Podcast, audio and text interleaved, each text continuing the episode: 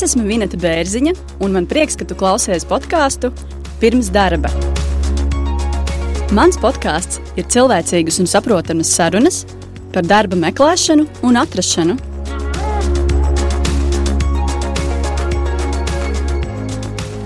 Šajā epizodē sarunājos ar Ingu Mūžnieci, zvanu centra Sonido vadītāju.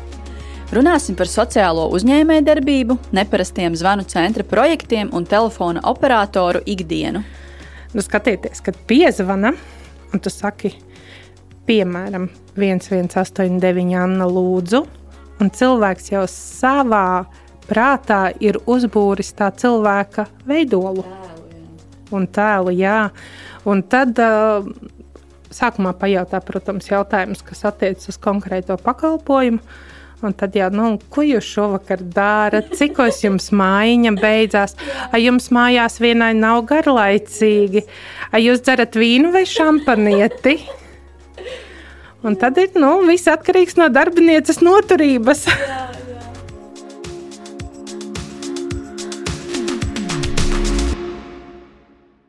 Pie manis šodien podkāstā viesojas Inga Mūžniece, zvanu centra Sonido dibinātāja un vadītāja. Un šodien mēs aprunāsimies par, eh, par tēmu zvanu centrs, kā strādā neparasts zvanu centrs. Sveika, Inga!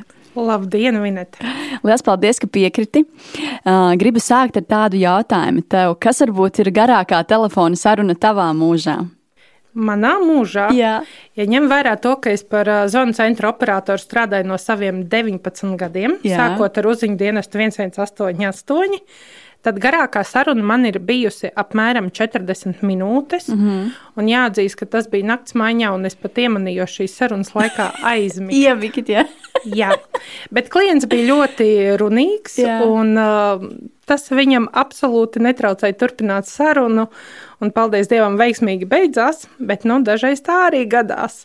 Vēl kaut kad reizē tā dzīvē ir gadījies, vai tikai vienreiz iemigt telefonu sarunas laikā? Um, iemigt vairs man nav gadījies, paldies Dievam, bet uh, sarunu garumi, jā, ir bijuši dažādi. Un, ja cilvēks runā vairāk kā apmēram pa 10, 12 minūtēm, tas nozīmē, mm -hmm. ka nu, jau viņam ir tāda tā saruna nevis vajadzība pēc risinājuma, bet vairāk jau tāda emocionāla saruna. Mm -hmm. Gribas parunāt tā ar draugu, Jā. padalīties ar savām emocijām. Un tad parasti tie stāsti ir pietiekami gari un apjomīgi, lai varētu kaut ko iestarpināt pa vidu. jo operatoram jāmāk, zvanu centra operatoram, viena no galvenajām lietām ir mācīt, uzklausīt. Nu, tieši tā, jā. Minēja, ka jau no 18 gadiem strādā zvanu centrā. Gribu varbūt parunāties par tavu karjeru. Sākumā varbūt iepazīstini ar sevi, kas tu šobrīd esi, jā, ka varbūt var vairāk pastāstīt par Sonido zvanu centru, kā, kā tas darbojas. Mani sauc Inga Mūžniece, un, kā jau tu minēji, man ir Zonido zvanu centrs. Un jāatzīst, ka no 19 gadu vecuma, kad es sāku strādāt par operatoru, jāatzīst, ka tā karjera man visu laiku ir virzījusies pa šo zvanu centra līniju. Sākotnēji es biju zvanu centra operators dažādos uzņēmumos, tad es jau sāku kā, pati vadīt zvanu centrus iekšējos, un kādā brīdī, tas bija pirms gadiem septiņiem, nu jau astoņiem, mm. es nolēmu, kādēļ gan man to darīt, ko es labi pieprotu citu labā, ja es to varētu darīt savā labā. Jāatzīst gan, ka man biznesa pieredzes nebija tieši nekādas. Un pats grūtākais izaicinājums bija laikam vispār sākt ar klientu datu bāzi. Un, mm. Tad, kad nodibināju uzņēmumu, es divus gadus nosēdēju mājās depresijā, jo es pat nezināju, kas ir jādara. Man vispār nebija ne nojausmas, kā taisīt biznesu. ko, ko, ko tu darīji? Kā tu, kā tu tiki galā? Jo es saprotu, ka biznesa tev tagad ir un viss ir kārtībā. Nu, ziniet, kad, kad sēž depresijā un uh, īsti tu nezini, ko darīt, bet runāt māki, tad visiem stāsti, ka tev kaut kas ir. Jā. Un tajā brīdī, kad uh, mani uzaicināja uz pirmajām pārunām, lai pastāstītu par pakalpojumu. Klients. Klients, mm -hmm. jā, klients uzaicināja tīri, lai prezentēju piedāvājumu, tad, kad es stāstīju savu redzējumu, kā jāveido zvanu kampaņa, izējošo zvanu kampaņa, jā. klients bija ļoti pārsteigts, tāpēc, ka viņš redzēja, ka es viņu veidoju savādāk nekā citi zvanu centri. Mm. Man pieredze par to, kā citi veido izējošo zvanu kampaņas, nebija. Līdz ar to es gāju pēc intuīcijas un loģikas. Mm. Un jāatzīst, tas bija arī mans veiksmes stāsts attiecībā uz zvanu centru ka es pieeju šīm zvanu centra kampaņām pilnīgi savādāk, ar pilnīgi citu pieejamību. Un uh, tas galvenais uh, motīvs, kāpēc man ir svarīgi, man vajag apmierināt klienta vajadzību nevis formāli, bet pēc fakta. Un, ja es redzu, ka es kaut ko nevaru izdarīt, es saku, ka es nevaru izdarīt. Yeah. Un klientus tas parasti ļoti pārsteidz. būt atklātam, teiksim, tā pret klientu. Ja? Jā, bet labāk ir būt atklātam un pateikt, ka tu nevari izdarīt, nekā sasolīt. sasolīt tāpēc, ka tās vissāpīgāk jau ir tad, kad tu ceri, ka tev būs rezultāts, bet viņa nav. Jā. Bet, ja tu negaidi rezultātu un tev sanāk, tas ir daudz labāk. Mm, tā ir. Vai var vairāk pastāstīt par Sonido, kā šis uzņēmums darbojas, kas, kas ir, uh, kas esi tu? Es saprotu, ka tu vadi šo zvanu centru, esi dibinātāji, kas, kas ir tie tavi kolēģi. Jā, Sonido zvanu centrs ir klasisks zvanu centrs, un tā mūsu pamatnodarbošanās ir ārpakalpojums klientiem, apkalpojot ienākošo zvanu plūsmu un veicot arī izējošo telemārketinga zvanu plūsmu. Mhm. Šobrīd es gan pati aktīvajā uzņēmuma vadībā esmu vairāk tā kā visa uzņēmuma vadītāja, bet man ir vairākas nodaļas, gan telemārketinga, gan starptautiskā nodaļa, gan savukārt arī sociālo projektu nodaļa. Un runājot par uh, vadī, vadību, sākotnēji sākot uzņēmumu, mēs, uh, tas pamats mums ir tomēr uz biznesu. Mhm. Tas nozīmē, ka mēs dzīvojam no tā, kādi mums ir projekti. Jā. Un laikam ejot, veidojot dažādu veidu komercprojektus, kādā brīdī es sapratu, ka man kaut kas mazliet tajā uzņēmumā pietrūkst, bet es īsti nezināju, kas. Un es sapratu, ka ienāk zvani, cilvēki runā, bet uh, mēs viņiem nevaram parunāšanai iedot to atgriezenisko saiti. Jā, jā. Tāpēc, ka, ja tu apkalpo klientu vārdā, tu sniedz atbildes pēc reglamenta. Mm -hmm. Un tad es domāju, ne, noteikti kaut kur ir tālrunis, kur var piezvanīt vienkārši tāpat papļāpāt, jā. un kāds tevī paklausās. Jā, jā. Un bija tāds to laiku? Nē. Kurš Patiesībā tas bija?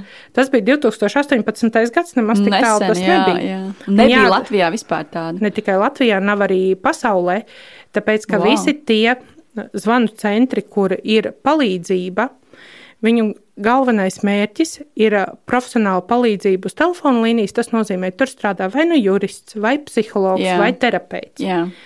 Bet parunāšanas līnijā tas galvenais ēķis ir tas, ka tur nestrādā profesionāls. Tur strādā cilvēks, kurš var uzklausīt. Tāds pats kā attiecīgi otrā klaus, klausulas galā. Jā, kā draugs. Tas pats cilvēks. Mm. Jā. Un tādas tālruņa līnijas arī Eiropā nav. Pagājušā gadā mēs, ne, nu jau aizpagājušajā gadā, jā, saņēmām inovāciju balvu Eiropā wow. par to, ka šis ir ļoti inovatīvs tālrunis, kurš no vienas puses ir ļoti vienkārša saruna, bet tāpat laikā viņš ietver daudz, daudz vairāk. Un kā tad es to uzbūvēju šo uzņēmumu pēdējo divu gadu laikā? Ir uh, komercprojekti, ar ko mēs pelnām naudu. -hmm.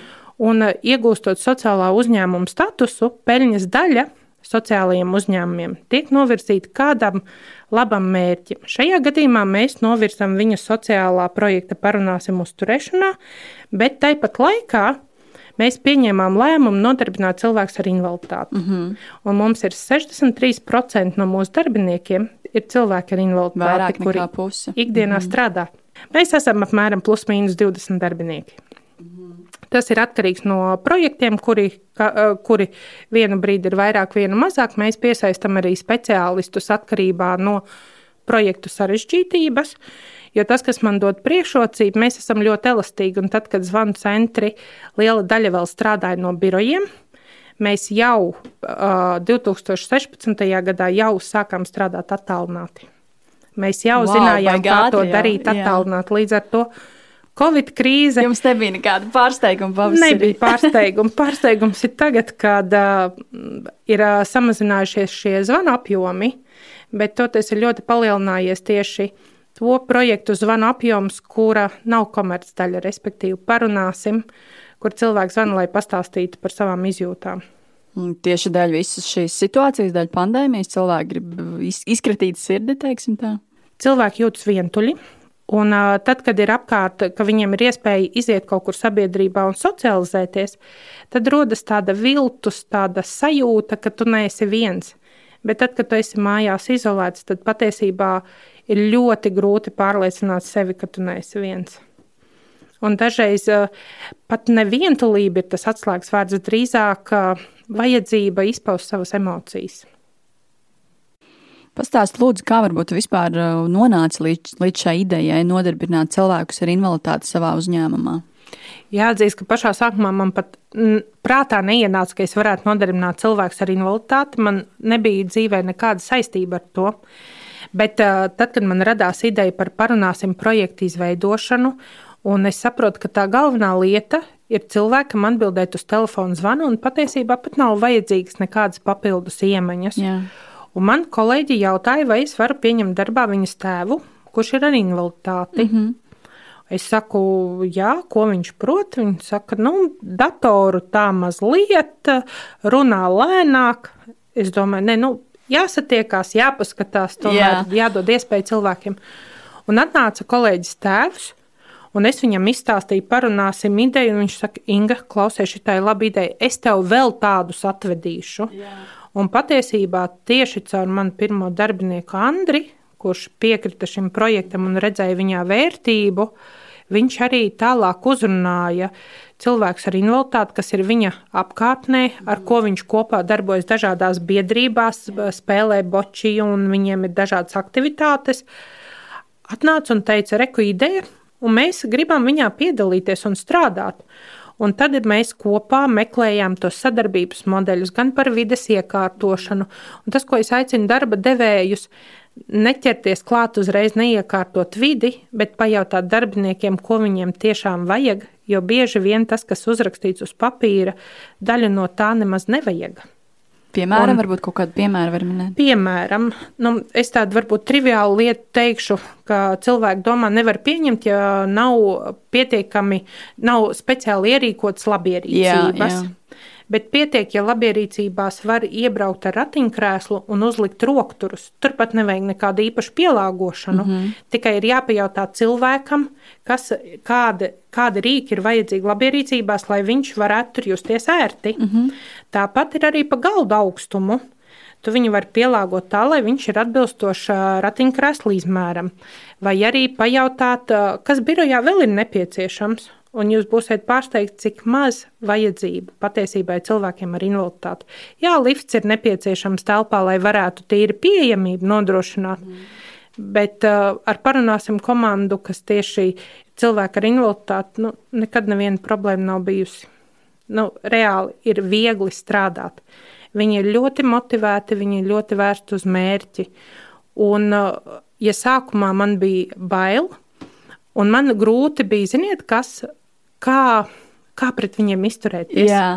Man visu laiku kaut ko dara, man gribas mesties palīdzēt. Un es pirmo pusgadu reāli mācījos, kā nemesties palīdzēt, bet iedot cilvēkam telpu. Mm -hmm. Un tas ir visgrūtāk, ko iemācīties. Un dažreiz tu redz, ka cilvēks dara lietas, un tu zini, ka tu viņam vari palīdzēt, un tas būs daudz ātrāk un daudz foršāk. Yeah. Bet, viņ, bet tajā brīdī aizmirstās, ka tam cilvēkam ir svarīgi to izdarīt pašam. Un tas ir tas, kas ir jāmācās, un to sauc par pieņemšanu. Tev ir jāpieņem cilvēks, kāds ir. Cik interesanti, ka jūs kaut ko tādu veidojat. Cik cilvēki varbūt strādā uz šo projektu, kuri pieņem zvanus un uzklausa citus cilvēkus? Es teiktu, tā visi operatori sagatavot attiecībā uz zvanu uzklausīšanu, un parunāsim projektā un komercprojektos. Mēs liekam uz līnijas tieši tik daudz cilvēku, cik ir nepieciešams pēc plānotā. Mm -hmm. Tad, ja es šodien pateiktu, ka tie ir divi, rīt varbūt tie jau ir pieci, tāpēc ka zvanu plūsma mainās atkarībā starp citu no mēnesi fāzēm. Jo nav noslēpums, ka zvanu centri dzīvo pēc mēneša kalendāra, nevis saules. Pastāst kaut ko vairāk par šo, es neko nezinu. Um, var sakot, zvanu centros ir tāda forša leģenda, Jā. ka tad, kad tuvojas pilnmēnesis, mm -hmm. tad vienmēr palielinās zvanu plūsma. Un Jā. īpaši tiem cilvēkiem, kam gribas nu, daudz vairāk padalīties ar savām personīgajām. Jā, var saukt par pakašķēties, bet arī nu, tāda personīgas vēlmes gribās izteikt. Jāatzīst, ka arī uz zvanu centriem zvana bieži vien vīrieši, lai iepazītos. Kādā, kādā veidā?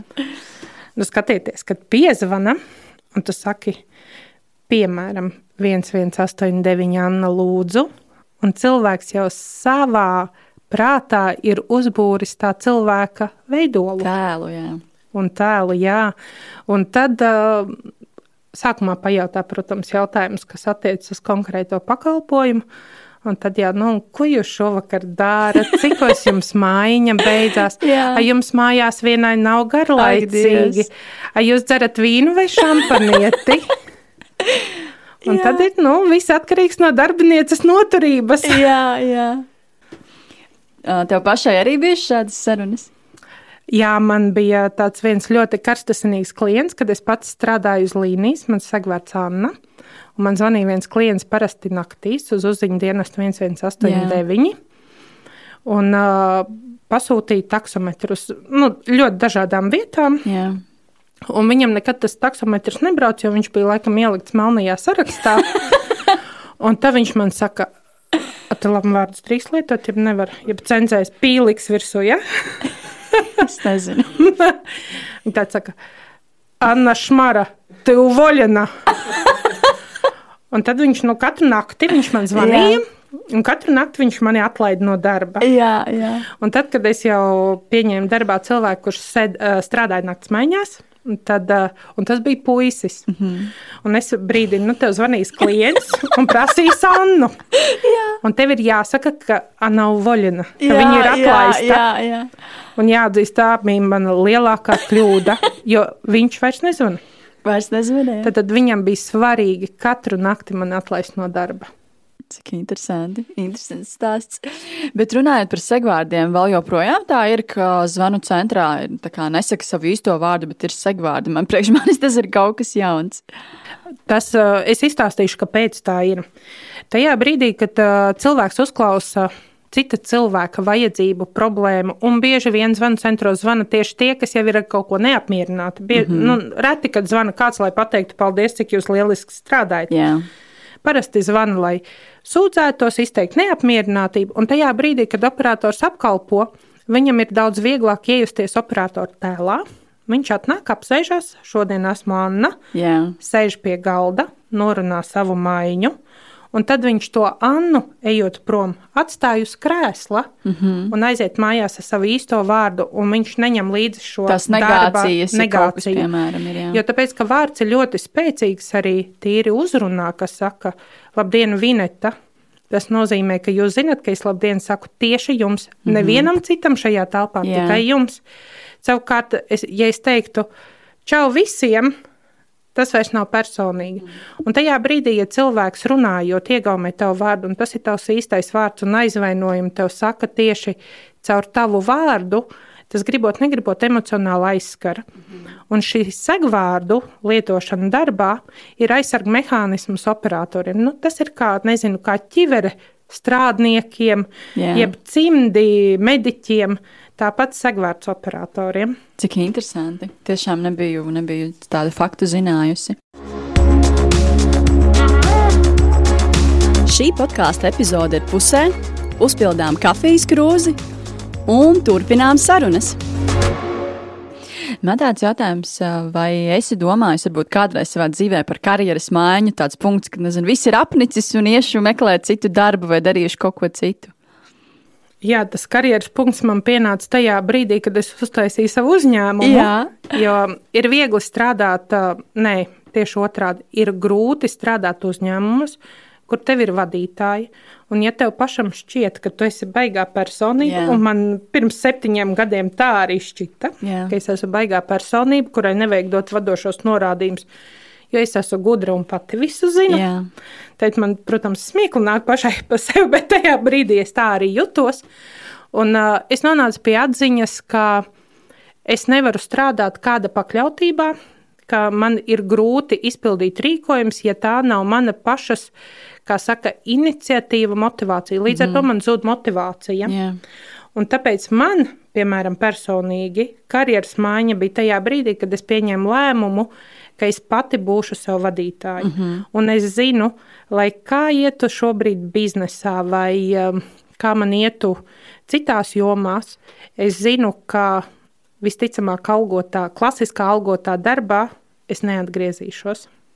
Es negribu teikt, tagad nekad, ja, jā, jo Covid mēdz ieviest jā, jā. savas korekcijas, bet visnotaļ es darīšu absolūti pilnīgi visu, kas ir manos spēkos, mhm. lai es pati sev būtu vadītāja, jo tikai tādā veidā es sev noturu pareizu mērķi, pareizu attieksmi un pareizu motivāciju. Un tad, kad es sev šo sapratu un pieņēmu, man bija arī daudz vieglāk izvēlēties sev darbiniekus, darba kolēģus. Un, lai kā saka, ka intervijā nedrīkst uzdot daudz personīgus jautājumus, bet man ir svarīgi darba intervijā sajust, kāds ir cilvēks, ar kādu attieksmi viņš iet pie lietām. Vai viņam ir hobija, ja ir ar kādu deksmi viņš iesaistās, kā viņš risina problēmas, vai viņš jūt citiem cilvēkiem līdzi vai nē. Jo operatoru darbā mums ir ļoti svarīga empātija. Mm -hmm. Būt klienta pusē, sajust viņa sāpi un palīdzēt viņam ar viņu tikt galā. Nu, vai nu yeah. problēmu tehnisku, uh, kā kurā gadījumā. Un šī attieksme ir tas, kas, manuprāt, ir ļoti būtiska. Bet jautājums tāds, jā, tu iepriekš minēji to, ka tev darbs jādara ar šo visu sirdi un vēseli, bet kā tu vari darīt darbu ar sirdi un vēseli, ja tev nepatīk, piemēram, darbs?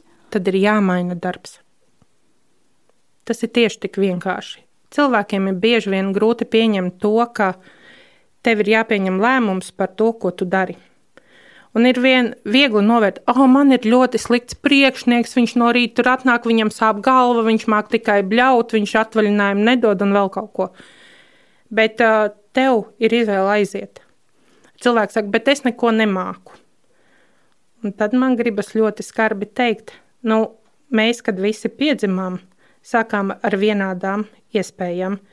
Un, cik man zināms, pamatskola visiem ir tā kā obligāta skolu valsts Jā. nodrošina. Man šķiet, ka vidusskolu arī. Un te izstāsta par to, ko to savu dzīvi dari.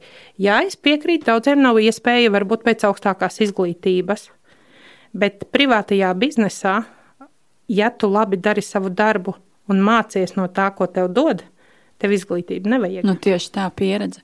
Varbūt varam atgriezties vairāk uz šo personāla atlasi. Ļoti gribu pajautāt, tu jau minēji dažus piemērus, bet varbūt var minēt, teiksim, tā konkrētus jautājumus, ko varbūt uzdot darba intervijās, kad atlasi darbiniekus priekš sevis. Es operatoriem vienmēr lieku izstāstīt anekdoti. Jo man ir darba intervijā ļoti svarīgi paskatīties, kā cilvēks reaģē uz negaidītu jautājumu. Mm -hmm. Un tad nav nozīmes tam, vai cilvēks zina šo anekdoti vai Jā. nezina, bet jautājums, ko viņš darīs ar situāciju, kura viņam ir negaidīta. Jo operatoram ir svarīgi ātra reakcija. Mm -hmm. Runājot par jautājumiem, bieži vien es pajautāju, kādēļ tu vēlējies šo darbu, lai es saprastu motivāciju. Jā. Man reti, kad ir svarīga iepriekšējā pieredze, jo operatoru darbā ļoti daudz lietas var iemācīt. Bet ir jāsaprot, kāda veida darbs patīk. Mm -hmm. Ja cilvēkam ikdienā patīk strādāt tā kā, nezinu, izbijusi bārmene visticamāk nevarēs strādāt pa operatoru, jo viņai šī ārējā komunikācija dzīviem cilvēkiem būs daudz svarīgāka viņas personībai un viņas varbūt tādai izaugsmai nekā cilvēks, kurš ļoti labprāt pavada laiku ar sevi viens un lasa grāmatas. Mm -hmm. Zināmā mērā mums ir uh, ekstraver, ne, introverts, ekstraverts. Tas nozīmē, ka viņam nav nepieciešama pēc fiziskas komunikācijas, bet tā, tāpat laikā tā atsaucība un spēja iedot emocijas uz āru caur telefonu, viņa ir diezgan liela. Kas vēl ir tie jautājumi, ko tu uzdod darba intervijās, vai kaut kādas testi, metodes, nezinu, kaut kādi praktiskie darbi, vai lietas arī, teiksim, tā, zvanīt pa telefonu vai pieņemt šo zvanu un tādā veidā izspēlēt situācijas? Tad, kad es vēl intervijā, tad, kad es saprotu, ka cilvēkam ir vēlme mēģināt, paldies Dievam, mums ir pārbaudas laiks taču. Tas, ko es esmu ieviesusi, es agrāk pati pieņēmu lēmumu par to, vai kolēģis var turpināt darbu vai nē. Bet uh, mēs pirms diviem gadiem atradām ļoti labu zelta vidusceļu, ka ne jau priekšnieks izlemj, vai tas darbinieks paliks darbā vai nē, kolēģi? bet patiesībā kolēģi. Tāpēc, ka viņiem ar viņu ir jāstrādā, viņiem ir kopīgi jārisina situācijas. Un ja viņi savstarpēji nevar saprasties, viņi nevar savstarpēji viens otram palīdzēt, Jā. nevar viens otru piesakt no priekšnieka, samainīties ar maiņām, kā viņiem gribās, tad visticamāk šis kolēģis neiedzīvosies. Un es aptauju taisu pārbaudas laika vidū, es aptauju taisu starp darbiniekiem, mm -hmm. lai viņi novērtē savu jauno kolēģi.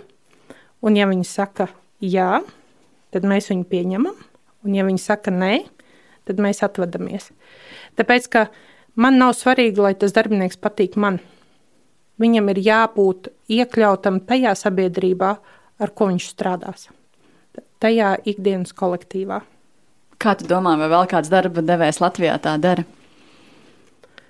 Es domāju, ka varbūt to nestāsta skaļi, bet es domāju, ka daudzi darba devēji, kuriem ir mazi kolektīvi, viņiem ir jāskatās uz to, lai kolektīvs ir saliedēts. Mm -hmm.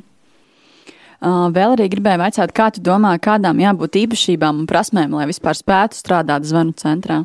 Viena no īpašībām ir spēja nepārtraukt otru cilvēku sarunas vidū un nepacelt balsi, ja sāk uz tevi bļaut. Mm -hmm. Es teiktu, tā ir emocionālā noturība. Yeah. Un arī neuztvert to personiski. Un diezgan ļoti liela nozīme ir arī darbam ar datoru.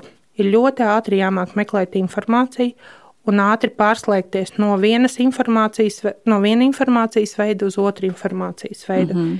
Pieņemsim, ja tev tikko piezvanīja un paprasīja kino repertuāru, un pēc tam uzreiz tev piezvanīja kurā vietā ir dzīvnieku kapi, tev jāmāk ļoti strauji pārslēgties gan emocionālā no tā, ka pirmais zvans bija ar izklaidi, yeah. un otrajā tev ir balsī jābūt līdzjūtībai. Yeah, yeah. Un starp šo pārslēgšanos, starp zvaniem, pat nav sekunde. Līdz wow. ar to ir ļoti svarīga ātra pārslēgšanās. Vēl kaut kas varbūt? Starp citu, jā, valodu zināšanas. Latvijā ir jābūt latviešu, krievu un angļu valodas zināšanām. Es zinu, ka daudzi nepiekritīs un teiks, nē, mums ir Latvija, jārunā latviešu valodā, bet mēs nevaram noliegt to, ka Latvijā iedzīvotāji runā dažādās valodās. Un tātad strādājot ar klientiem, latviešu, krievu, angļu valodu, tas ir tāds pamats. Tev nav jābūt spīdošai krievu vai angļu valodai, Jā. bet tev ir jābūt sarunu valodas līmenī. Mm -hmm. Un runājot par valodas zināšanām, man ir bēdīgi, ka šobrīd latvieši atpaliek, jo viņiem sāk iztrūkt krievu valodas. Mm -hmm. Mēs jau varam slēpties un teikt, Latvijā runā latviešu, bet uh, 60% zvana krievu valodā.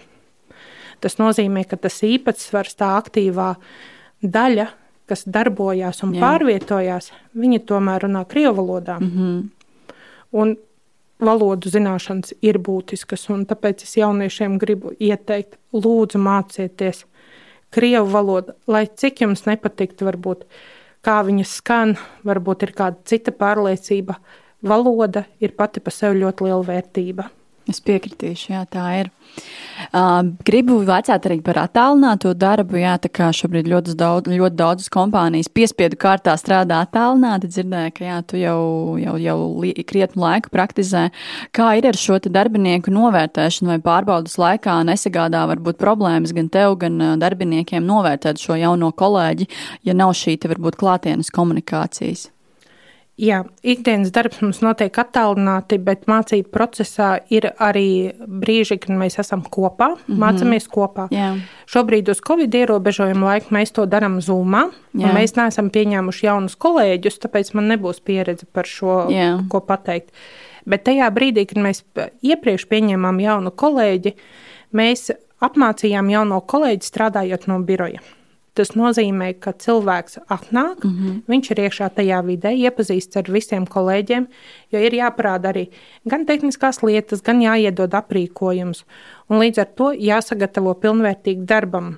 Un uh, darbinieki var izvēlēties, viņi var braukt arī uz darbu strādāt. Drīzāk mēs, uh, kad 16. gadā to sākām darīt, darbs no mājām drīzāk bija privilēģija nekā vajadzība. Yeah un tev bija jāizpelnās, kā saka, tas, ka tev uzticās mm -hmm. un ka tu vari strādāt no mājām. Yeah. Un man ir patiesi prieks, ka mums visi darbinieki ļoti ātri saprata šo iespēju un vērtību strādāt no mājām. Bet mēs tik un tā reizi vai divas reizes nedēļā rīkojām biroja dienas, kurā mēs visi satikāmies, Jā, lai varētu super. savas emocijas izrēģēt. Jo mm -hmm. gribas taču padalīties Protams, gribās, ar to, jā. kādi ir bijuši zvani, kādas ir bijušas sajūtas. Jā. Starp citu, neizstāstīja. Mums ir, mēs uztaisījām jaunu līniju, tāpēc, ka pamanījām, ka mums cilvēki mēdz paust emocijas arī lamu vārdos. Un mums ir maksas līnijas, kur var zvanīt. un lamāties? Lamāties, lamāties un sūdzēties. Nu, cik, cik maksā? Es gribu, piemēram, 5 minūtes papļaustīties, pasūdzēties. 60 centi maksā viena minūte. Jā. Bet, ja jūs piecas minūtes reāli piezvanīsiet Jā. un nolamāsieties, es jums šo zvanu apmaksāšu. Tāpēc, ka neviens tik ilgi nav lamājies. Ja?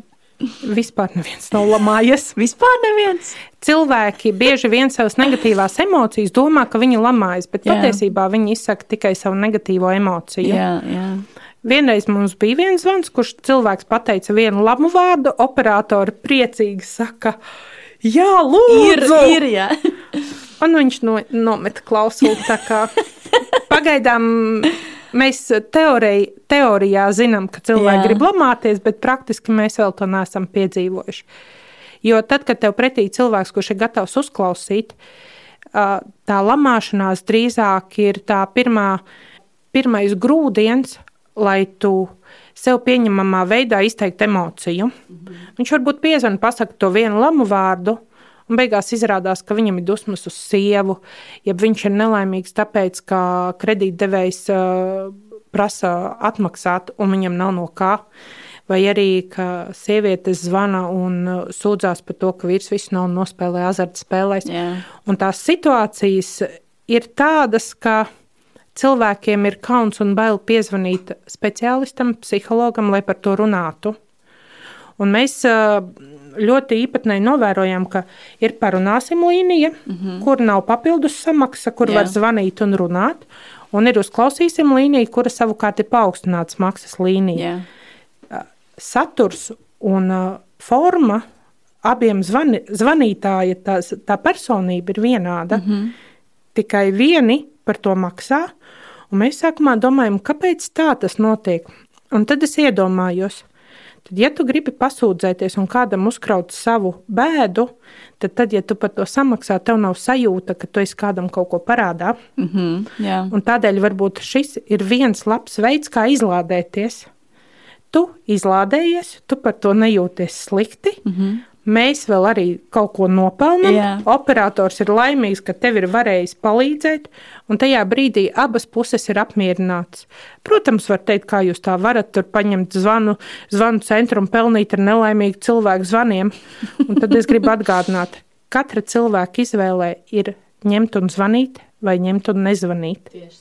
Kādi varbūt cilvēki vispār izvēlas darbu zvanu centrā, kādi viņi ir kā tipāži? O, es teiktu, sākot no gotiem un beidzot ar punkiem. Jā.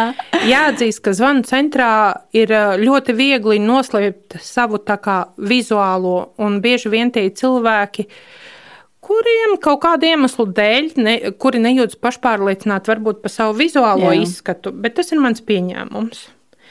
Es domāju, ka zvanu centrā ir tie cilvēki, it īpaši uz atbalsta zvanu centru, kuriem ir tā iekšējā vēlme glābt kādu, palīdzēt mm -hmm. kādam. Tāpēc, kā atbalsta tālruņa līnija, tā tomēr ir palīdzība. Neatkarīgi no tā, vai tev vajag pareizi nospiest podziņus uz aparāta secībā, vai tev vajag uh, palīdzēt aizpildīt kādu veidlapu, Jā. tā ir palīdzība. Tā, respektīvi, tāda iezīme, ko es varētu teikt, kas maniem darbiniekiem ir ļoti vienojoša, tas ir tāds altruisms mazliet. Mm -hmm. Par darbu zvanu centrā tu sākumā nedaudz pastāstīji, ieminējies, bet jā, es ticu, ka klausītājs varbūt nezina, kā strādā zvanu centrs. Man ir tikai priekšstats. Varbūt arī nedaudz detalizētāk pastāstīt, kā vispār strādā zvanu centrs, kas tur kā, tehniskajā līmenī un kā tas vispār viss notiek. Ja, piemēram, tagad ieeju zvanu centrā un kas, kas tur notiek, kā tur tiek organizēts darbs. Jā, tad, kad tu ienāc zvanu centrā, tas, tu redzi, ka cilvēks sēž pie datora un viņam ir austiņas ar mikrofonu. Jā. Tas ir tāds klasisks skats. Jā, jā. Runājot par tehnisko pusi, ir zvanu centrāli, kurā tiek uh, ienāk zvani, un tad viņi pa prioritātēm tiek sadalīti atkarībā no pakalpojuma, no valodām, jo katram operatoram ir piešķirts, kā sauc, es teiktu, savs zināšanu līmenis, mm -hmm. tātad kādas viņš zina valodas, kuras pakalpojumus var apkalpot. Yeah. Un tad, kad uh, zvanu centrālā ienāk konkrētais zvans, viņš tiek sadalīts tuvākajam brīvajam operatoram mm -hmm. pēc viņa iemaņām. Yeah. Līdz ar to tādā veidā cilvēki apkalpo primāri tos zvanus, kurus viņi māca apkalpot vislabāk. Mm -hmm.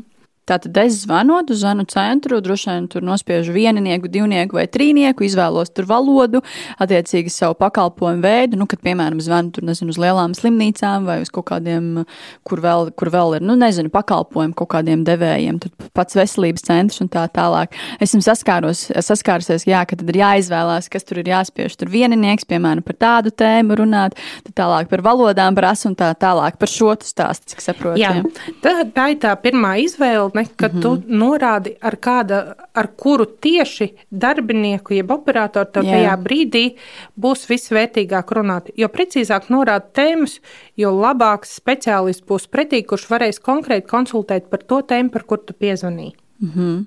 Bet bieži vien ir tā, vismaz man, kad. Uh nosauc šīs vienas, divas, trīs, četras tēmas, bet tāds jautājums, kāds man ir, nemaz nav tur minēts. Un tad vienkārši uz dūlo ir jāuzspiež kaut kāds cipariņš.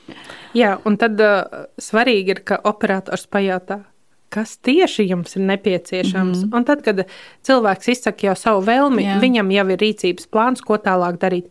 Vai savienot ar kādu citu kolēģi, vai savienot ar speciālistu, vai savukārt iedot rīcības plānu, kā rīkoties, vai uzreiz jau atbildēt uz jautājumu. Tas ir atkarīgs no tās kompetences, mm -hmm. kas ir operatoriem. Katrs operators tiek apmācīts uz pakalpojumu. Piemēram, mēs šobrīd apkalpojam vairāk par, viens operators apkalpo vairāk par sešiem projektiem. Tas nozīmē, viņš pārzina perfekti sešus dažādus projektus. Yeah. Tas var būt gan sākot ar autostāvvietām, gan beidzot ar nekustamo īpašumu apsaimniekošanu. Mm -hmm. Un līdz ar to mums ir, pie, mums ir arī mūsu iekšējais rīks, ko mēs saucam par koku, kurai saglabāta informācija. Un, ieejot šajā kokā, mēs ļoti ātri un viegli orientējamies informācijā, kad klients uzdod jautājumu.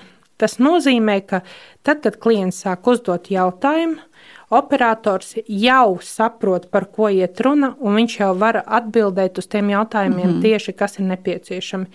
Un, uh, es aicinu arī cilvēkus kādreiz būt mazliet iecietīgākiem zvanot, tāpēc ka arī operators ir cilvēks un uh, viņam bieži vien vajag arī laiku tomēr atrast pareizo atbildi uz jautājumu, lai pēc tam nav vilšanās, nav pārzvanīšana.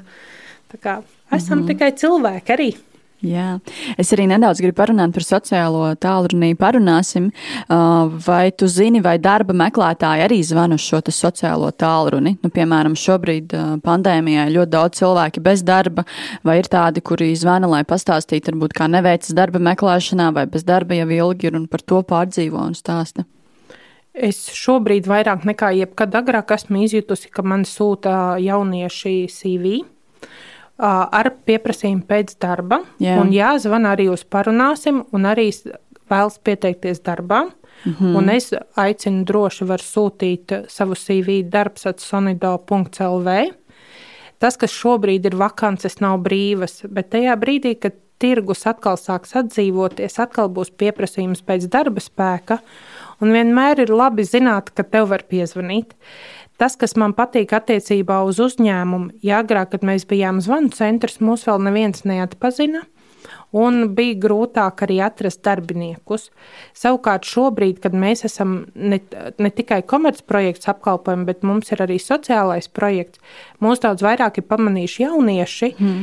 Jo es sapratu, ka jauniešiem ir daudz būtiskāk, lai darba vietā ir ne tikai darbs, bet arī ir uzņēmējs dod kādu sociālu pienesumu gan sabiedrībai, vai videi, mm -hmm. vai vispār kopumā pasaulē. Jaunieti vairs ar skaisti iekārtot biroju tu nepārsteigsi, ar bezmaksas kafiju tu nepārsteigsi, bet ar to, kāda ir tava pievienotā vērtība, jā, ja viņam ir tā pati vērtība, ja tas sasaucās, tad jaunietis ļoti labprāt investē laiku. Ne tikai veicot tiešos darba pienākumus, bet arī jau iesaistoties dažādās sociālās aktivitātēs, kā brīvprātīgais. Un runā, runājot jā, par šiem cilvēkiem, kas zvana, vai nav tā, ka pēdējā pusgada laikā ir pieaudzis zvanītāju skaits, kuri runā par, par darba tēmām, par to, kā varbūt ir zaudējuši darbu, vai ka nevar atrast darbu, un, un viss, viss, viss attiecīgi par un ap nodarbinātību. Mums par nodarbinātību vairāk zvana tieši vecā gājuma cilvēki, mm -hmm. cilvēki 50 plus, kuriem ir arī invaliditāte, kuriem ir ļoti grūti atrast darbu, mm -hmm. jo bieži vien pietrūkst iemaņas, pietrūkst datoriemaņas. Un uh, šīs iemaņas ir tas, kas šobrīd pasaulē, nu, arī Latvijā, ir ļoti svarīgi strādājot tīpaši biroju darbu. Bet kas man patīk, piemēram, arī runājot par vienu no lielajiem uzņēmumiem, kas ir Rīgā, Latvija, viņi ir ārkārtīgi labu veidu atraduši, kā nodarbināt tieši cilvēkus ar invaliditāti un ir vienkāršie darbi, un viņi ir integrējuši. Man tāds lepnums un prieks par Rīgā Latviju, ka tad, kad tu ej, tu zini, ka viņi ir Viņi nav sociālais uzņēmums, bet viņi ir uztaisījuši šo savu sociālo atbildību, un viņi ir investējuši tajā laikā. Tā kā nu, Rīgā ir viens no tiem uzņēmumiem, ar ko es šobrīd arī zinu personīgi un arī lepojos ar to. Fantastiski. Man prieks dzirdēt, ka Latvijā ir tādi uzņēmumi un arī, un arī tavs uzņēmums. Man liekas, tas, tas ir lielisks darbs, ko, ko dari. Paldies, liels, ka atnāci un padalījies ar, ar savu ilgadējo pieredzi zvanu centrā un dalījies ar šiem neparastiem gadījumiem. Man personīgi bija ļoti interesanti dzirdēt šo stāstus un ticu arī, ka klausītājiem arī ļoti paldies. Paldies tev, Vineta, ka uzaicināji. Man bija prieks padalīties. Paldies, visu labu! Visu labu! Jūs noklausījāties podkāstu pirms darba. Katru otrdienu es publicēšu jaunu epizodi. Lai nepalaistu to garām, sadraudzējies ar mani Apple un Google podkāstu platformās un Spotify. Seko podkāstu tapšanas stāstiem Facebook un Instagram. Raksti komentārus, iesaki sarunu tēmas, pastāsti savu darba meklēšanas stāstu. Uz sadzirdēšanos!